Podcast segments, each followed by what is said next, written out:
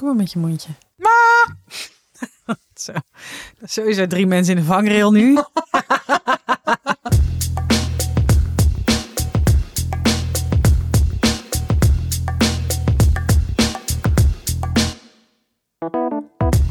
Dag mensen en welkom bij de 3100 miljoenste aflevering van Tussen 30 en Doodgaan. Dit zijn de levensvragen. Dat betekent dat je net wakker bent geworden op een donderdag. Dat is toch Hallo, fijn om te goedemorgen. weten. Goedemorgen. Drink een koffie met ons. Lekker. Ik zin in. Ehm, nou, zullen we maar meteen eh, eh, gewoon ervoor gaan? yes, let's go. Eh, ik heb hier een vrij lange levensvraag. Oké. En die komt van een anonieme luisteraar. Ehm, ik heb een levensvraag. Ik zal proberen zo kort mogelijk uit te leggen. Ik heb een oppervlakkige band met mijn ouders, wat voor nu prima is. Mijn zus heeft geen band met mijn ouders, omdat ze hier geen behoefte aan heeft door wat er vroeger allemaal gebeurd is. Laatst was mijn moeder boos op mijn zus. Mijn neefje lag in het ziekenhuis en mijn zus stuurde af en toe een berichtje met een update naar mijn ouders. Mijn moeder begon tegen mij tekeer te gaan via WhatsApp. En tussen de jaren heen heb ik geleerd om te proberen om er niet tussen te staan.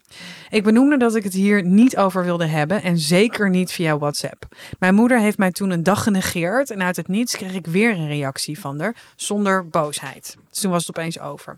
Ik vind het niet eerlijk dat ik dan gestraft word voor de band die zij met mijn zus hebben en dat de grens dus niet geaccepteerd wordt. Mijn partner zegt dan, ja, laat maar gaan. Maar ik word genegeerd en dat doet mij ook wat. Hoe zouden jullie hiermee omgaan? Moet ik dit gedrag van mijn moeder maar accepteren?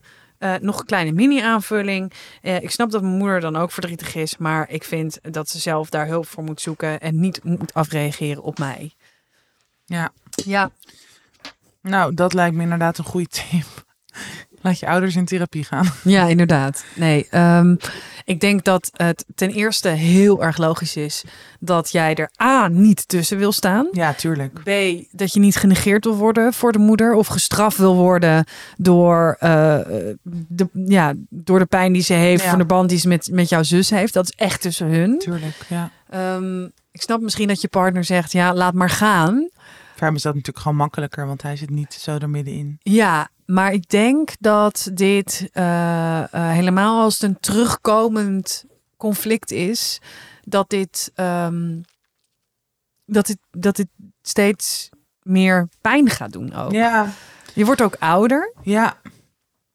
Ja, ik, ja, ik vind dit soort dingen... Ik bedoel, ik zou natuurlijk niet per se als advies geven. Misschien moet je het... Ja, dat, dat, dat kan ik niet voor jou invullen. Maar als het steeds zo terug blijft komen...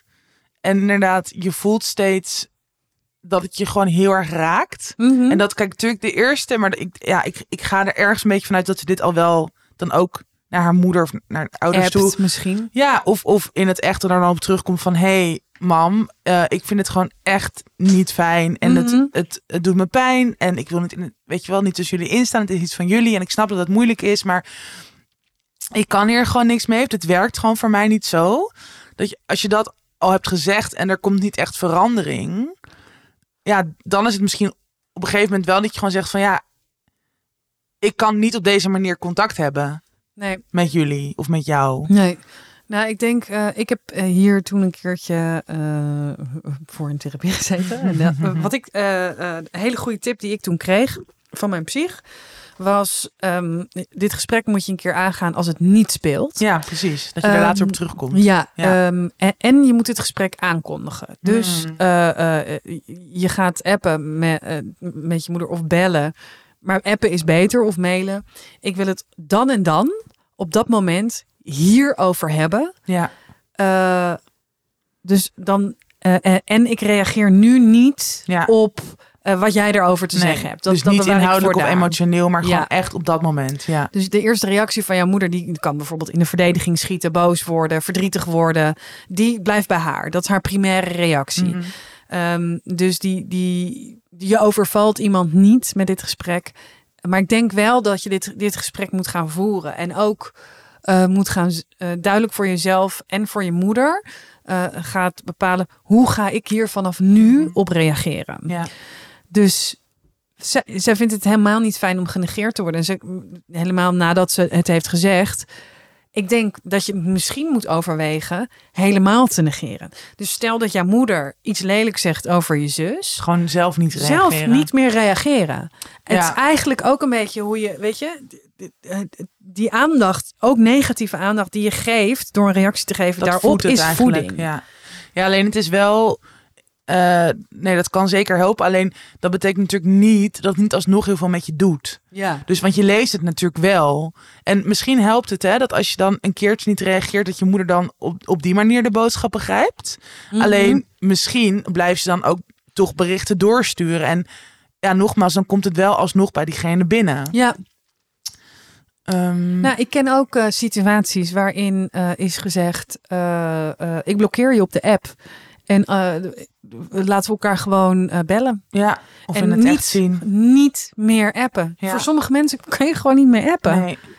Ik heb het ook hoor met mijn moeder. Wij moeten ook niet appen. Want we, we, eh, dus we verstaan elkaar verkeerd op app. Ja, En eh, dat, nou, ik denk dat dat ook met werkdingen, met groepsapps heel vaak zo werkt. Ja. Dat iemand iets, iets maar ook dat zegt. het gewoon net in een andere toon is. Of dat je gewoon denkt, wat bedoel jij hiermee? Miscommunicatie. Nou, en waarom is het, zou het verkeerd zijn om met jouw moeder af te spreken?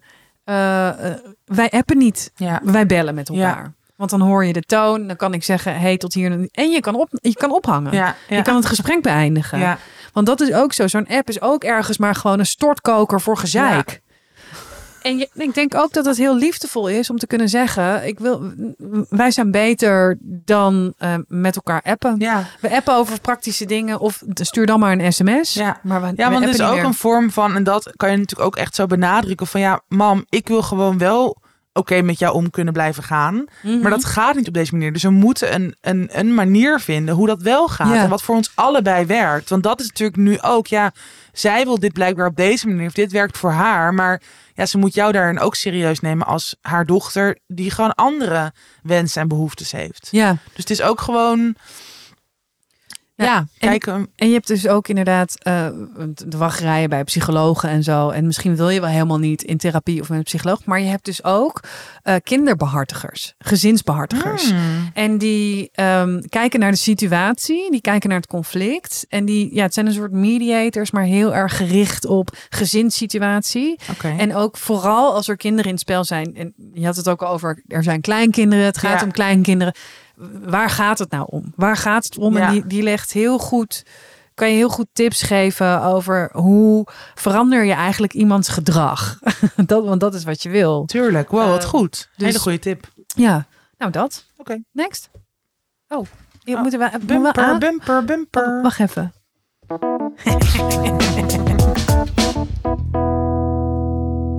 Het is ook een anoniem. Ehm, allereerst echt een super toffe podcast. Ik vind jullie allebei en ik vind allebei jullie boeken ook heel mooi. Cute. Ik vind het zo leuk dat dus heel veel luisteraars echt nu dan onze boeken allemaal gaan Ja. lezen of luisteren. Ehm, dan nu mijn levensvraag.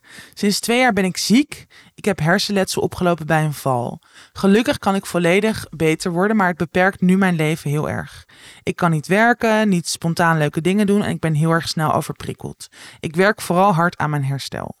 Mijn vriendinnen zijn echter met heel andere dingen bezig. Huizen kopen, trouwen, ze krijgen kinderen. Het voelt alsof zij doorgaan met hun leven en dat van mij al twee jaar stilstaat. Ik begin daar steeds meer tegenaan te lopen en ik vind het steeds moeilijker om blij voor hen te zijn. Wat ik echt naar vind van mezelf. Hebben jullie een idee hoe ik hiermee kan omgaan? Ehm, ja, Lastig. wel- ja, lastig. En heel begrijpelijk. ja, ik, Ik, denk, heb het al zonder hersenletsel. dat ik denk, wat fuck you man. Je huis, rot op. Dus da, daar, daar moet je je niet voor schamen. En je moet je daar zeker ook niet rot over voelen. Dat is heel menselijk. Ja, of als je, ja, ik snap wel dat je er wel rot over voelt. Eh, dat heeft ook niet heel erg veel zin om je daar dan tegen te verzetten, Ja. toch? Maar inderdaad, sowieso niet over schamen. En ja, dit is gewoon weer zoiets ehm, wat je ook heel erg kan benoemen, denk ik, in een vriendschap. Dat is Mhm. niet per se makkelijk, of dat is niet per se dat je dan er meteen uitkomt of dat het gevoel dan weg is. Maar gewoon transparant hierover zijn. Kijk, jouw vrienden zullen heus wel begrijpen dat het voor jou gewoon fucking kut is dat jij, weet je wel, in zo'n situatie terechtkomt waar je niet voor hebt gekozen, wat je is overvallen, waar, wat waarschijnlijk al heel heftig is om daarvan te herstellen. Wat je ook zegt, Traumatisch kan zijn, ja. ja, snel overprikkeld, je kan gewoon minder aan. Dat, dat is inderdaad ook toch een soort rouwproces eigenlijk waar je doorheen gaat. Mhm. Ehm, dus logisch dat je dan ook dit soort dingen, dat het gewoon rauw op je dak valt en dat je daar een soort manier in moet vinden. En dat kan je volgens mij dus heel goed met die vrienden bespreken van, hey, tuurlijk ben ik heus wel blij voor je, alleen het is gewoon, misschien dat je dat zelf ook nu wel gewild of niet per se, niet eens, maar je merkt gewoon dat die dingen veranderen, dat ook je band misschien met hun verandert. Ja. Of... Oké. Ik kom weer een incapabel. Ja, nee, nee, nee. Ik heb één vriend. Ja. Eh, en dat is niet echt uit mijn eerste kring, maar dat is... Oké, het, is, het is Ronald Giphart. En met hem heb ik een soort deal. Namelijk, wij zeggen tegen elkaar de aller, aller, aller lelijkste dingen over andere mensen die je maar kan...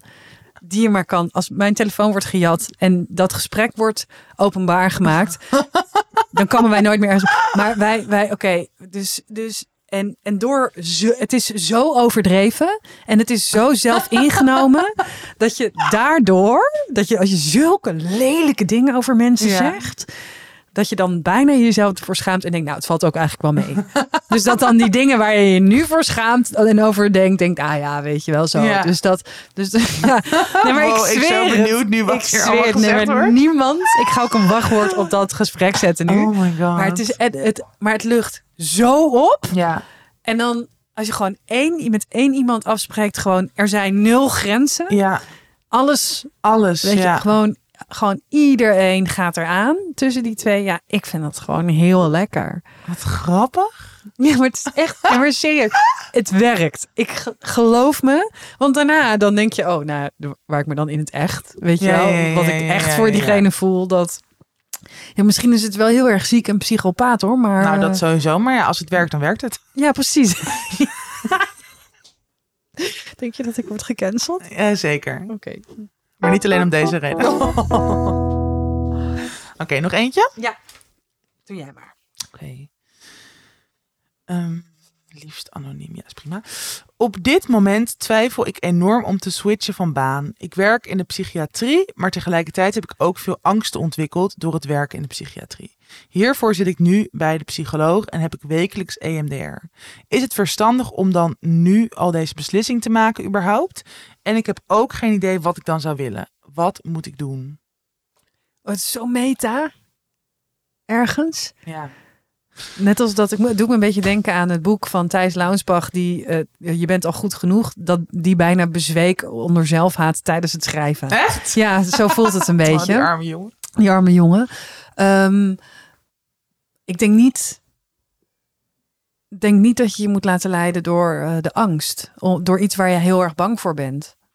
Nee, ik denk sowieso niet. Kijk, als het te zwaar voor je is, als je gewoon voelt van ik bezwijk onder dit werk of onder, ja, dan, dan is het misschien op een gegeven moment wel de juiste keuze om ermee te stoppen. Het moet natuurlijk niet soort van je levensgeluk of plezier in de weg staan. Maar ik, ehm, kijk, er zijn zoveel mensen die in de psychiatrie werken, zijn zelf ook in therapie. Totaal. Ik denk dat Dat- dat, ook niet denk meer dat dan logisch nee. is. Dus ik denk dat dat niet per se een probleem hoeft te zijn. Dat als je zelf eh, inderdaad soms angsten hebt of eh, ja, soms depressieve gevoelens hebt of gevoelens van somber, somberte.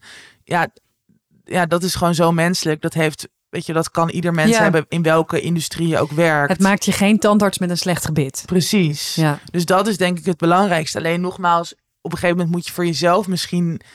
Eh, en dat kan denk ik ook heel goed in die therapie. Dat je gewoon kijkt, oh ja, maar past dit echt bij mij? Of haal ik er ook nog voldoende uit? Krijg ik er nog genoeg energie van? Weet je, vind ik het ook nog leuk? Ik denk eigenlijk dat de enige vraag is die je jezelf moet stellen. Word ik blij van mijn werk? Word, ben ik er, word ik er gelukkig van? Ja, precies. En Dat- dat, dat is denk ik uiteindelijk gewoon de kern. En dan soms weet je dat alsnog niet hoor. Of het is toch ook wel dat je gewoon. Ik heb ook wel vaak met. En als freelancer is het natuurlijk anders. Bla bla bla. Maar dat je bij sommige dingen denkt. Oh ja, ik krijg er wel energie van. Maar ik vind het ook heel pittig. Ja. Dat is, het is natuurlijk weer vaak niet zo. eh, We weten allemaal dat we het hebben over artikelen schrijven. Dat je van tevoren ook- denkt, oh ja, leuk om daarover te schrijven. En dan moet je het schrijven denk je, oh, het duurt echt lang. ja, maar ook En dan daarna denk je, ook oh, wauw. dagvoorzitterschap. Sorry, Ja. maar bijna alles. Als is zo kut. Zie je, wij hebben dit ook. Ik heb, ja, nou. Nee, maar ik denk ook, en ik weet niet of je een beetje kan kaderen in je werk. Want je Ja. hebt natuurlijk psychiatrie en psychiatrie. maar ik, eh, ik, ik ken iemand eh, en die struggelde zelf ergens mee. En die had daardoor bijvoorbeeld heel veel moeite om mensen te helpen die kinderen hadden en daar niet dankbaar genoeg mee omgingen. of zo. Die had daar ja. dus op dat moment heel specifiek Ja, heel veel moeite mee, maar die kon daar wel heel goed omheen werken. Ja. Ja. laat maar even zitten, deze, eh, deze doelgroep. ja of dat je Bijvoorbeeld. merkt van, oh ja, misschien wil ik iets minder gaan werken en daarnaast gewoon iets anders qua werk of qua hobby of gewoon meer rust of weet je, whatever. Dat kan natuurlijk ook een oplossing zijn. Dus je hebt er natuurlijk wel een soort ja, verschillende middenwegen in. Maar het kan ook wel zijn dat je gewoon denkt, nee, dit is het nu niet meer voor mij. Mhm. En dan inderdaad dat diegene ook zegt van, ik weet niet, ik heb dan geen idee wat ik, wat ik wil. Ja, Maar ik zou wel dan daar wel hulp bij, helemaal als je in de psychiatrie werkt, door collega's of zo, wel eventjes eh, je laten helpen in dat proces om te kijken, past dit werk nog bij mij? ja, zeker. Ja, maar ook dus Ja. in die therapie kan dat denk ik heel goed, toch? Dat, eh, Ja, dat, is, dat gaat natuurlijk heel erg over jezelf, maar ik je ook echt door een soort jobcoach, echt die gespecialiseerd is precies. Ja, daarop. Oké, ja, goeie. Oké. Oké, Oké. nou, eh, zet hem op. Ja, zo'n klein mini-bumpertje. Bumper mini. staat Mini, mini, mini pumper. Wow, dat is wel een hele mini. Wa- Wat was dit? Oh, fijn, toch weer de oude Dit waren de levensvragen. We zijn het tel volledig kwijt, maar volgens mij maakt het geen reet Ergens uit in als de je luistert. 30? Precies, ergens in de 30. We, we beginnen nu, ja, dit is echt tussen 30 en doodgaan. Vanaf aflevering 30. Spannend. Heel leuk. Maandag zijn we er weer. Ehm, ja, je kan ons mailen eh, tussen 30 en doodgaan at gmail.com. At 30 en doodgaan. Op Instagram. Tussen 30 en doodgaan op Instagram. Je weet ons wat te vinden. Binnenkort eh, leuk nieuws. Oeh. Ah! Oké, tot snel. Doei.